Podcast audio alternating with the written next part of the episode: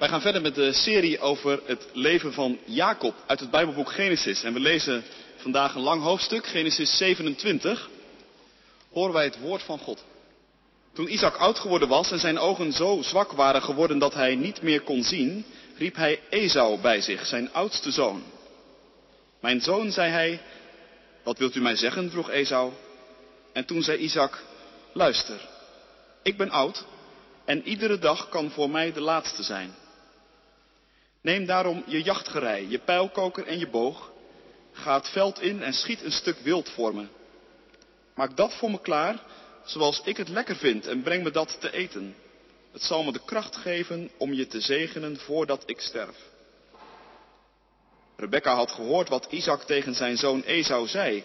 En nadat Esau erop was uitgetrokken om een stuk wild voor zijn vader te schieten, zei ze tegen haar zoon Jacob, luister, ik hoorde je vader tegen je broer zeggen, maak een lekker maal van wildbraad voor me klaar en breng me dat te eten. Want ik wil je voor mijn dood zegenen, met de Heer als getuige. Doe jij nu precies wat ik je zeg, mijn zoon? Ga naar de kudde en zoek twee malse bokjes voor me uit. Die maak ik dan voor je vader klaar, zoals hij het lekker vindt.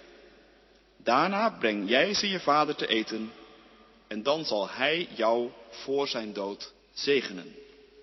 Jacob wierp tegen, maar Esau is toch helemaal behaard, terwijl ik juist een gladde huid heb? Misschien raakt vader me aan en dan zal hij me een bedrieger vinden en breng ik een vloek over me in plaats van zegen. Maar zijn moeder zei, die vloek moet mij dan maar treffen, mijn zoon. Doe nu wat ik zeg en ga die bokjes voor me halen. Dus ging hij ze halen en bracht ze naar zijn moeder. En zij maakte ze klaar zoals zijn vader het lekker vond. Toen pakte Rebecca kleren van haar oudste zoon Esau, de kostbaarste die ze kon vinden, en die liet ze haar jongste zoon Jacob aantrekken. En over zijn handen en over zijn gladde hals trok ze het vel van de bokjes. Hierna overhandigde ze Jacob het smakelijke gerecht dat ze had klaargemaakt met brood erbij. Zo ging hij naar zijn vader. Vader, zei hij, ja, mijn zoon, zei Isaac, wie ben je? Jacob antwoordde zijn vader, ik ben Esau, uw eerstgeboren zoon. Ik heb gedaan wat u me hebt gevraagd. Kom, ga overeind zitten en eet van wat ik heb geschoten. Dat zal u de kracht geven om mij te zegenen. Hoe heb je zo snel iets kunnen vinden, mijn zoon, zei Isaac. En hij antwoordde, doordat de Heer uw God alles zo gunstig voor me liet verlopen. En toen zei Isaac tegen Jacob, kom eens wat dichterbij, mijn zoon, zodat ik kan voelen of je inderdaad mijn zoon Esau bent of niet. Jacob kwam dichter bij zijn vader staan en deze betastte hem. Het is Jacobs stem, dacht hij, maar het zijn Esaus handen. En omdat Jacobs handen even behaard waren als die van zijn broer Esau, herkende Isaac hem niet en dus zegende hij hem. Ben je echt mijn zoon Esau? vroeg hij nog. Ja, antwoordde Jacob. En toen zei hij, zet het wildbraad dan dichter bij me, zodat ik ervan kan eten, mijn zoon, en de kracht vind om je te zegenen. Jacob zette het dichter bij hem en Isaac at ervan. En ook bracht hij hem wijn en hij dronk ervan. En toen zei Isaac tegen Jacob, kom eens dichterbij, mijn zoon, en kus me. Hij kwam dicht bij hem staan en kuste hem. Toen Isaac zijn kleren rook, sprak hij deze zegen over hem uit. De geur van mijn zoon is de geur van het veld, het veld dat de Heer heeft gezegend. God geven je dauw uit de hemel en vette, vruchtbare aarde, een overvloed van koren en wijn. Volken zullen je dienen, naties zich voor je buigen. Je zult heer zijn over je broers, macht hebben over je moeders zonen. Vervloekt wie jou vervloekt en gezegend wie jou zegent. Toen Isaac Jacob gezegend had en Jacob nog maar net bij zijn vader was weggegaan, kwam zijn broer Esau thuis van de jacht. Ook hij maakte een smakelijk gerecht klaar, bracht het zijn vader en zei tegen hem, ga overeind zitten, vader, en eet van wat uw zoon heeft geschoten, dat zal u de kracht geven om mij te zegenen. Wie ben jij? vroeg zijn vader Isaac hem. Ik ben het, Esau, uw zoon, uw eerstgeborene? Toen schrok Isaac hevig en zei, maar, maar wie was het dan die mij net een stuk wild heeft gebracht, dat hij geschoten had? Ik heb ervan gegeten voordat jij kwam en ik heb hem gezegend. En die zegen zal op hem blijven rusten. Toen Esau dat van zijn vader hoorde, slaakte hij een wilde, wanhopige kreet. En hij smeekte zijn vader, zegen mij, zegen ook mij, vader. Maar Isaac antwoordde, je broer is me komen bedriegen en is er met jouw zegen vandoor gegaan. Toen zei Esau, niet voor niets heet hij Jacob. Hij heeft me nu al twee keer beetgenomen. Eerst heeft hij me mijn eerstgeboorterecht afgenomen en nu ook nog mijn zegen. Daarna vroeg hij, hebt u dan geen zegen meer over voor mij? Isaac antwoordde hem, ik heb hem heer en meester over je gemaakt, hem al zijn broers als dienaar gegeven en hem voorzien van koren en wijn. Wat zou ik dan nog voor jou kunnen doen, mijn zoon? Hebt u dan maar één zegen, vader? vroeg Esau hem. Zegen mij, zegen ook mij, vader. En hij barstte in tranen uit. Zijn vader Isaac antwoordde hierop, ver van de vette grond zul je wonen, ver van de hemelse dauw. Je zult leven van je zwaard en dienstbaar zijn aan je broer. Maar heb je je eenmaal losgerukt, dan werp je zijn juk van je nek. Van toen af haatte Esau zijn broer, omdat zijn vader hem had gezegend. En hij zei bij zichzelf, het duurt niet lang meer of de dagen van rouw om mijn vader breken aan. Dan vermoord ik Jacob. Toen Rebecca vernam wat haar oudste zoon Esau van plan was, liet ze haar jongste zoon Jacob bij zich komen. Luister, zei ze, je broer Esau zint op wraak. Hij wil je vermoorden. Doe daarom wat ik zeg, mijn zoon. Vlucht onmiddellijk naar mijn broer Laban in Garan. Blijf voorlopig bij hem, totdat de woede van je broer bedaard is. Ik zal je laten terughalen als zijn woede bekoeld is en hij vergeten is wat je hem hebt aangedaan. Waarom zou ik me op één en dezelfde dag van jullie beiden laten beroven? Dit is het woord van God. In de verkondiging denken we vanmorgen na over het gedeelte dat we net gelezen hebben. En we kijken dan naar de vier hoofdpersonen in dat verhaal. Isaac, Esau, Rebecca en Jacob. Hoe verhouden zij zich tot de belofte van God en tot de zegen en wat kunnen wij daarvan leren vandaag? En na de verkondiging zingen we gezang 314, vers 1, 3 en 4. Gij die gelooft, verheugt u samen. Gemeente van Christus, wat is het een zegen als je familie om je heen hebt waar je jezelf veilig kunt voelen. Een plek waar je helemaal jezelf kunt zijn. Doe alsof je thuis bent, zeggen we dan. En dat is zo'n opmerking die daar helemaal bij past. Thuis zijn. Dat betekent je geborgen weten en vrede ervaren in de nabijheid van anderen. En tegelijkertijd weten we allemaal dat zo'n veilige familiesituatie echt niet altijd vanzelfsprekend is. Dat is het nu niet. En dat was het vroeger ook niet. Kijk maar naar die geschiedenis die we gelezen hebben. Over het gezin van Isaac en Rebecca. Het is een klein familiedrama. Twee ouders en een tweeling.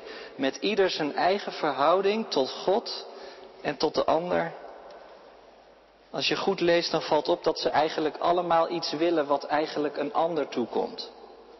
Rebecca wil op de stoel van Isaac zitten en bepalen wie van haar zonen de zegen krijgt.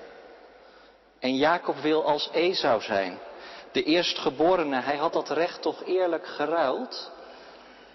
En Esau zelf, die had eigenlijk niets met de zegen, totdat hij hem definitief misgelopen is en hij zo jaloers wordt dat hij Jacob naar het leven staat. Kortom, het is chaos in Berseba en God lijkt de grote afwezige. Zijn naam wordt alleen nog gebruikt als troefkaart in een strategisch spel. En de zegen van God, die is vervaagd, in duigen gevallen, gedevalueerd Want zeg nou zelf, hoe kan er sprake zijn van zegen in een gezin dat bol staat van achterdocht, ruzie en bedrog? Is de zegen wel veilig daar in de tenten van Isaac? Dat is de vraag die je moet stellen. Nou zou je dat wel mogen verwachten, want Isaac is de pater familias, de zoon van Abraham en Sarah. Hij is een van de aartsvaders met wie God een nieuw begin maakt. Van die drie aartsvaders lees je over Isaac trouwens het minste in het boek Genesis. Er is ook weinig te vertellen. Zijn leven kenmerkt zich door stabiliteit. Zijn naam verandert nooit. Die van Abraham wel en die van Jacob ook. Maar de Isaac aan het begin is dezelfde Isaac als de Isaac aan het einde. Rustig en beheerst. Hij wist uiteindelijk vrede te sluiten met de omliggende volkeren en kon zich zo vestigen in het land van de belofte. Hij is, om zo te zeggen, gearriveerd. Isaac de gearriveerde zoon van de belofte. En zijn enige taak is nog om de zegen die God aan Abraham gaf en die Abraham aan Isaac gaf, door te geven naar de volgende generatie. Welke zegen is dat dan? Nou, daar valt van alles over te zeggen. Zegen is een heel compleet concept. Ik zou vanochtend twee dingen willen noemen. Twee dimensies van de zegen die je eigenlijk ook in de psalmen al aantreft. Psalm 133 bijvoorbeeld, heel bekend. Daar zie je dat zegen te maken heeft met heil en met eeuwig leven. Je zou kunnen zeggen dat is de verticale dimensie van de zegen. Een leven tot in eeuwigheid. De zegen gaat erover dat het goed komt en goed blijft tussen God en mij. En als zodanig is de zegen ook altijd verbonden met dank en lofzegging. Maar er is ook een horizontale dimensie. Die zie je in diezelfde psalm ook terug. De Heer gebiedt de zegen waar liefde woont. Waar broeders samenwonen. Op zo'n plek zou je kunnen zeggen is die zegen veilig. En zo staat de zegen ook altijd onder druk, want vanaf Genesis 3 zijn er ook andere machten. Machten van zonde en van dood, die de zegen tegenwerken. En dat brengt dan terug bij de tenten van Isaac. Want ik vroeg het al even, is de zegen daar veilig? Nou, in ieder geval kun je niet zeggen dat de broers daar in vrede en in liefde samenwonen. En het lijkt wel alsof Isaac daar niet zoveel last van heeft. Want als hij de zegen door wil gaan geven aan de volgende generatie, dan nodigt hij helemaal in tegenstelling tot wat gebruikelijk was, maar één zoon uit, Esau. Jacob krijgt geen uitnodiging. Waarom niet? Misschien omdat hij geen kinderen heeft. Is Isaac daarom bezorgd over de toekomst? Wat heb ik aan een zoon die geen kleinkinderen aan mij geeft? Of is het omdat hij gewoon een zwak voor Esau heeft? Omdat de liefde bij hem door de maag gaat? Eén ding is in ieder geval duidelijk. Isaac denkt er niet over na hoe zijn zoon Esau zich verhoudt tot die zegen van God. En hij denkt er ook niet over na wat God tegen Rebecca had gezegd tijdens de zwangerschap, dat de mindere de meerdere zou gaan dienen. Maar de ogen van Isaac zijn blind geworden, troebel. Hij kan niet scherp meer zien en dat is niet alleen fysiek, dat is ook geestelijk zo. Hij is gearriveerd in het beloofde land. En die luxe heeft hem oppervlakkig gemaakt. Hij gelooft het wel. En dat de zegen duur is, dat is even niet aan de orde. Kijk, pas aan het einde van het verhaal zie je hem opschrikken, zo'n beetje vanaf vers 30. Een gedeelte wat tot de meest levendige dialogen uit het Oude Testament behoort. Het kruipt onder je huid als je leest hoe Isaac reageert op het bedrog. Ineens lijkt de urgentie wel tot hem door te dringen. Als Esau binnenkomt, hem wat te eten brengt en om de zegen vraagt. Ja, maar Esau, ik heb net iemand anders gezegend. Wie was dat dan? Want die zegen zal op hem blijven rusten. Die zegen van God die hem was toevertrouwd, die is onomkeerbaar. Wat heb ik gedaan? Heb ik de zegen van God verkwanseld? Isaac begint te beven en letterlijk staat er een beven zeer groot. En als zijn zoon Esau dat ziet, dan begint het ook hem te dagen. Dat hij opnieuw bedrogen is. Esau, dat is de tweede persoon uit het verhaal waar we even naar gaan kijken. Esau, de lieveling van zijn vader. Maar uit de verhalen in Genesis die je over hem leest, krijg je niet de indruk dat hij ook veel op had met de God van zijn vader. Esau geniet van het leven en legt zijn horizon daarbij niet al te ver. Hij trouwt met vrouwen uit een buurvolk. En dat terwijl zijn opa Abraham zich zoveel moeite had getroost om ver weg een vrouw voor Isaac te halen. Weet Esau daar niets van? Of vindt hij dit soort richtlijnen niet meer van deze tijd? En wat vindt hij er eigenlijk van dat die vrouwen van hem het leven van Isaac en Rebecca zuur maken? Dat staat er in hoofdstuk 26. Hij gedraagt zich onverschillig tegenover de woorden van God en tegenover de zegen van God. En zo kon hij ook dat eerstgeboorterecht makkelijk verruilen voor een schotel linzensoep. Zo zal hij zich straks verliezen in woede en toorn en een moordplan uitdenken. Om zijn broer uit de weg te ruimen, net als ooit Kain deed. Is de zegen veilig bij zo iemand? Nou kan je ook niet zeggen dat Esau helemaal onverschillig staat tegenover de zegen. Sterker nog, als je wil weten uit het gedeelte dat we gelezen hebben hoe belangrijk de zegen is, dan moet je misschien wel juist naar Esau kijken en niet naar Jacob, die is er zo vandoor. Maar als Esau erachter komt dat hij de zegen is misgelopen, dan zet hij het op een schreeuwen. Een schreeuwen zeer groot en bitter. Ik vind het een aangrijpend beeld. Het beeld van iemand die bedrogen is en dat niet voor de eerste, maar voor de tweede keer. Wat heb ik misdaan dat mij dit moet overkomen? En vader, ik kan niet zonder die zegen. Is er geen alternatief? Zegen ook mij, mijn vader. Maar het is te laat. Die zegen is onomkeerbaar. Dat had je eerder moeten bedenken, Esau. Dan had je je eerstgeboorterecht niet verkwanseld. En dan had je andere keuzes gemaakt. Maar je hebt de zegen onvoldoende op waarde geschat. Nou kun je dat niet zeggen over de derde persoon in dit verhaal, Rebecca. In het hele gezin is zij degene die het meest begaan lijkt met de zegen van God. Ze doet wel wat denken aan haar schoonvader Abraham. Uit een ver land gekomen, vertrouwend op de belofte van God. Ze is een gelovige vrouw. Niet voor niets ging ze tijdens haar zwangerschap bij God te raden.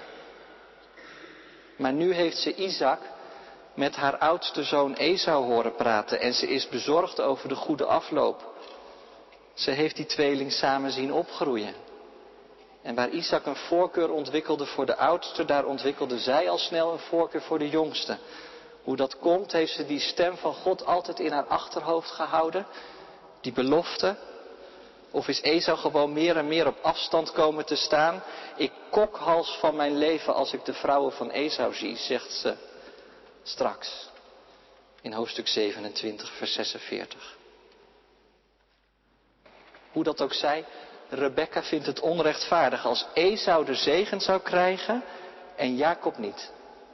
Want zeg nu zelf, hoeveel verschillen ze eigenlijk van elkaar? Jacob had de hiel van Esau beet. Hij kwam er maar een paar minuten achteraan. Wat is dat op een mensenleven?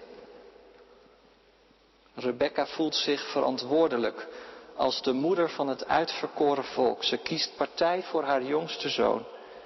En dat niet alleen, ze kiest voor de frontale aanval. Als Isaac eenvoudigweg blind is, dan moet ik hem in zijn blindheid bijsturen. Ze bedenkt een plan en is heel resoluut. Zo resoluut dat mocht het op een vervloeking uitlopen, die vloek dan maar op haar terecht moet komen. Doe wat ik je zeg, zegt ze tegen Jacob. Hoogst ongebruikelijk voor een vrouw in die tijd om zo resoluut te zijn en zo te commanderen. Maar ze doet het vanuit het geloof dat er iets rechtgezet moet worden. We moeten ingrijpen voordat het te laat is. En ik weet niet hoe het jou vergaat, maar, maar Rebecca komt wel heel sympathiek over, toch? Ze is doordacht, geestelijk, resoluut, handelt vanuit het geloof. En toch, toch pakt haar plan straks desastreus uit. Ze zal na Esau ook Jacob kwijtraken en hem nooit meer zien. Totaal ongedacht. Voor ze het weet loopt het helemaal uit de hand. En je vraagt hoe komt dat nou? Nou, volgens mij is dit de valkuil. Rebecca kende het woord van God en ze wilde zijn wil uitvoeren, maar ze deed het niet op de tijd en de wijze van de Heer. Ze kon gewoon niet wachten. Ze was ongeduldig en in plaats van het overgeven aan God, kwam ze zelf in actie. Dat zie je trouwens wel vaker in de Bijbel. Denk aan Mozes, die wist dat hij de bevrijder zou worden van Israël. En hij ziet een Egyptenaar die een volksgenoot afranselt. En hij slaat hem dood neer. Het was te vroeg. Hij moet vluchten. Of denk aan David die de ark terug naar Jeruzalem mag brengen. En hij zet de ark op een strijdwagen, helemaal niet in lijn met de richtlijnen van God. Heel efficiënt, maar niet zoals God het had bedacht. En Ussia moet het met de dood bekomen. Voor uitgrijpen op het plan van God. Misschien herken je het ook wel in je eigen leven. Hoe gemakkelijk is het om ongeduldig te worden met God? Of als je het omdraait, hoe moeilijk is het om God gewoon aan het werk te laten? Zonder je voortdurend met Hem te bemoeien. Het is werkelijk geloofskunst. Als je het over kunt geven aan Hem. Psalm 16 zegt, u hebt iets moois bedacht. En straks is het van mij. U houdt mijn hele leven in uw handen.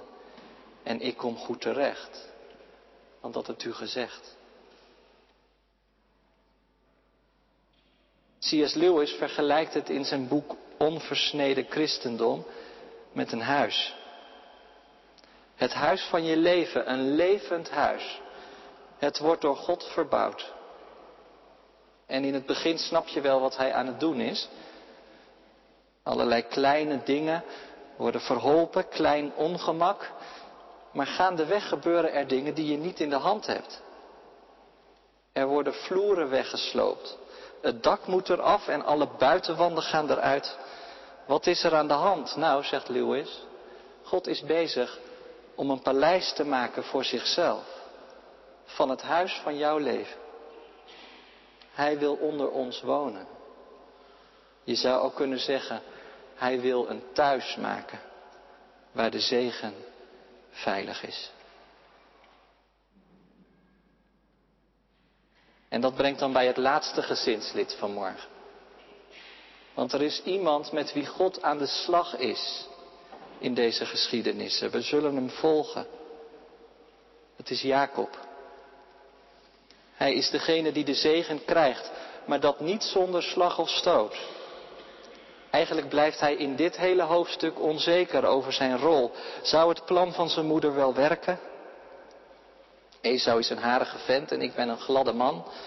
Wat als mijn vader me gaat betasten? Hij zal denken dat ik hem voor de gek hou. En misschien vervloekt hij mij dan wel. Het is wel opvallend dat Jacob zich meer zorgen maakt over wat zijn vader van hem denkt, dan over wat hij eigenlijk is. Misschien komt mijn vader erachter dat ik een bedrieger ben. Dat baart hem zorgen. Gek is dat. Dat we het vaak belangrijker vinden wat anderen van ons denken dan wat we zijn als verder niemand kijkt. Maar Jacob kan opgelucht ademhalen, want zijn vader trapt erin. Eerst is hij nog wat argwanend. Jacob moet er zelfs een grove leugen voor laten. Hoe heb je zo snel iets kunnen vinden, mijn zoon? Nou, de Heer uw God zorgde ervoor dat er zomaar ineens een dier uit de struiken kwam springen. Het is in Jacob te prijzen dat hij het over de Heer uw God heeft. Want zelf misbruikt hij Gods naam, pure blasfemie. Maar voor Isaac roept het alleen maar herkenning op. Inderdaad, de Heere God kan zomaar een dier voorzien. Hij had het meegemaakt. Toen hij als jongen geofferd moest worden en er ineens een ram met zijn horens in de struiken verstrikt zat. Inderdaad, God zelf zal voorzien. En zo komt Jacob steeds dichter bij zijn vader, totdat hij in stilte voor hem neerknielt en Isaac hem kust. Had hij zijn zoon in de ogen kunnen kijken, dan had hij een angstige en onzekere jongen gezien. Maar dat kan hij niet en daarom heft hij zijn handen op en zegent zijn zoon. God geven je dauw uit de hemel en vette, vruchtbare aarde. Je zult heer zijn over je broers, macht hebben over de zonen van je moeder. Vervloekt wie jou vervloekt en gezegend wie jou zegent. Je hoort er een echo in van de zegen die God aan Abraham gaf. Prachtige woorden. Maar Jacob is zich er amper van bewust. Hij staat op en verdwijnt haastig uit beeld, een mens op de vlucht. Angstig en onzeker, daar gaat hij. En met hem de zegen. En zo zijn we ze dus allemaal tegengekomen. Vader, oudste zoon, moeder, jongste zoon. De vier leden van dat ene gezin. Met elk hun eigen identiteit. Isaac de gearriveerde zoon van de belofte. Esau de bedrogen rouwdouwer. Rebecca de resolute gelovige en Jacob de vluchtende hielenlichter. Het is het gezin van de belofte. Waar Gods zegen van generatie op generatie mocht worden doorgegeven. Maar als je eerlijk bent moet je zeggen er mankeert aan ieder gezinslid wel wat. De een leeft misschien dicht bij de belofte van God, maar grijpt erop vooruit en wil de situatie naar haar eigen hand zetten. Voor de ander is de belofte een vanzelfsprekendheid geworden. Weer een ander heeft er helemaal geen interesse in.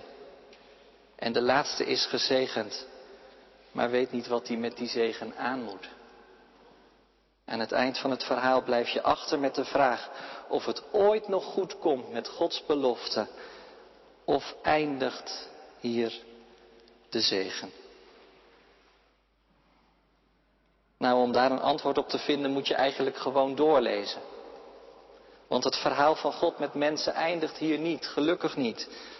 Er komen weer nieuwe geschiedenissen achteraan. Je zult lezen hoe Jacob de bedrieger straks zelf bedrogen wordt. Door zijn oom Laban. En veel later door zijn eigen zonen. Maar je zult ook zien dat Jacobs leven een andere kant kent. In zijn ontmoetingen met de levende God bij Bethel en bij Pniel. Langzaam zal duidelijk worden dat de zegen bij hem veilig is. En iets daarvan ligt al op in hoofdstuk 28, een klein stukje verder. Want voordat Jacob daadwerkelijk op de vlucht gaat, komt hij nog heel even bij zijn vader langs. Het is alsof Isaac alles overwegend tot de conclusie is gekomen dat het goed is zo. Blijkbaar is dit Gods weg. En hij heeft er vrede mee. En hij stuurt zijn zoon erop uit met woorden die nog veel sterker doen denken aan die belofte die God ooit aan Abraham gaf. Hoofdstuk 28, vers 3. Mogen God jou en je nakomelingen de zegen van Abraham geven. En zo zie je gebeuren wat je steeds opnieuw ontdekt als je de Bijbel leest. Dat God een spoor van heil door de geschiedenis trekt. En dat niet dankzij ons mensen, maar ondanks ons. En als je daar wat dieper over nadenkt, dan is dat ook alleen maar logisch. Want dat spoor van heil heeft alles te maken met onze bevrijding. En hoe zouden we onszelf kunnen bevrijden? Dat spoor van heil is een messiaans spoor. Het gaat naar de Messias toe, de gezalfde, de bevrijder, de grote nakomeling van Abraham, Jezus Christus, de Zoon van God. Bij Isaac, Rebecca, Esau en Jacob hou je steeds je hart vast. Is de zegen bij hen wel veilig? Maar voor de leerlingen van Jezus Christus was het al heel snel duidelijk hoe, hoe zwijgzaam Jezus zelf ook was over zijn identiteit. Het kon niet verborgen blijven. De leerlingen zagen het in wat hij deed. Dit is de Messias. En ze zagen het in hoe hij leed. Hoe hij gehoorzaam was tot in de dood. Om de machten van zonde en chaos te verslaan. Om ruimte te maken, volle ruimte, voor de zegen van God op aarde. Zodat wie in Christus is en blijft, met talrijke zegeningen zal worden gezegend. Dat zegt Paulus in de Everse brief. En zo beginnen wij vandaag als nieuwtestamentische gemeente aan een nieuw seizoen. En wat kunnen we meenemen uit deze geschiedenis? Nou, van alles. We hopen er straks in een van de workshops nog over door te praten. Maar voor nu zou ik twee dingen willen noemen. Een bemoediging en een opdracht. In de eerste plaats is deze geschiedenis een bemoediging, want zoals er in het huisgezin van Isaac helemaal niemand rechtzinnig was, of niemand helemaal rechtzinnig was, zo geldt dat ook voor ons hier in het huisgezin van God. Er is niemand bij wie uit zichzelf de zegen helemaal veilig is. We moeten het allemaal van genade hebben. Misschien is het heel mat geworden in je geloofsleven en leef je voor je gevoel ver bij God vandaan. Word je zo opgeslokt door het hier en nu dat je ogen troebel zijn geworden voor Gods plan met je leven. Of misschien leef je juist heel dicht bij de belofte van God. Kun je niet wachten totdat Hij het waar maakt. Sta je op het punt het heft in eigen handen te nemen. Vanochtend mogen we ons toevertrouwen aan Gods genade. Jezus Christus kwam op Gods uitgelezen tijd. En hij deed alles wat nodig was om ons te bevrijden. Daar mag je je aan toevertrouwen. Steeds weer. En tegelijkertijd komt er met die bemoediging ook een opdracht mee. Want het evangelie is geen vrijbrief om altijd maar te blijven wie je bent. Dat kan ook helemaal niet, want onze identiteit is voortdurend in beweging. De Belgische psycholoog Paul Verhagen schreef daar een boek over.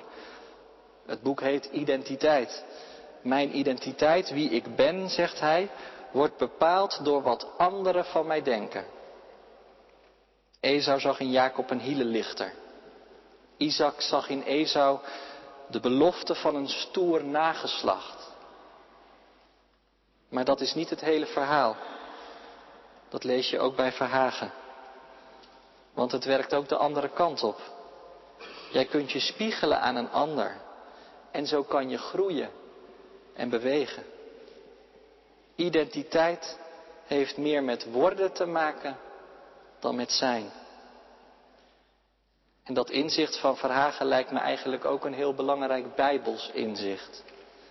De Jacob aan het eind van Genesis heet geen Jacob meer, maar Israël. Er is een heel ander mens op het toneel gekomen dan de hielenlichter die we vanmorgen tegenkwamen.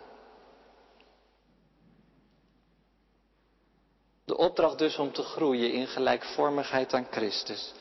Want Hij is de grote identificatiefiguur, ook voor ons vandaag in de kerk. En als je dat betrekt op de startzondag, dan zou ik zeggen dat is toch waarom we hier steeds weer naartoe komen. Dat is toch dat wat we hier doen in Gods huis, kijken naar Jezus. Er gebeurt van alles in en om dit gebouw, maar het draait steeds weer om Hem, om Christus. Daarom wordt er in de kerk gedoopt. En worden we er iedere keer aan herinnerd dat wie met Christus sterft, ook met Hem in een nieuw eeuwig leven opstaat. Die verticale dimensie van de zegen. Daarom vieren we het heilige avondmaal, om ons steeds weer te binnen te brengen dat we niet alleen staan in dat heil, maar dat we het mogen delen met broeders en zusters met wie we in vrede en liefde mogen samenwonen, de horizontale dimensie van de zegen. Daarom vertellen we de Bijbelverhalen aan onze kinderen en aan elkaar. En aan wie dat maar wil horen in deze stad. Omdat we het ook hen gunnen om te delen in de zegen van God. De zegen die iedere zondag aan het einde van de dienst aan ons wordt toevertrouwd. Een dure zegen die ons dragen wil. Vanmorgen worden we hartelijk uitgenodigd om die zegen in geloof te ontvangen. Om met elkaar een kring te vormen rondom de Messias. Een thuis waar de zegen veilig is. Want Christus is in ons midden. Amen.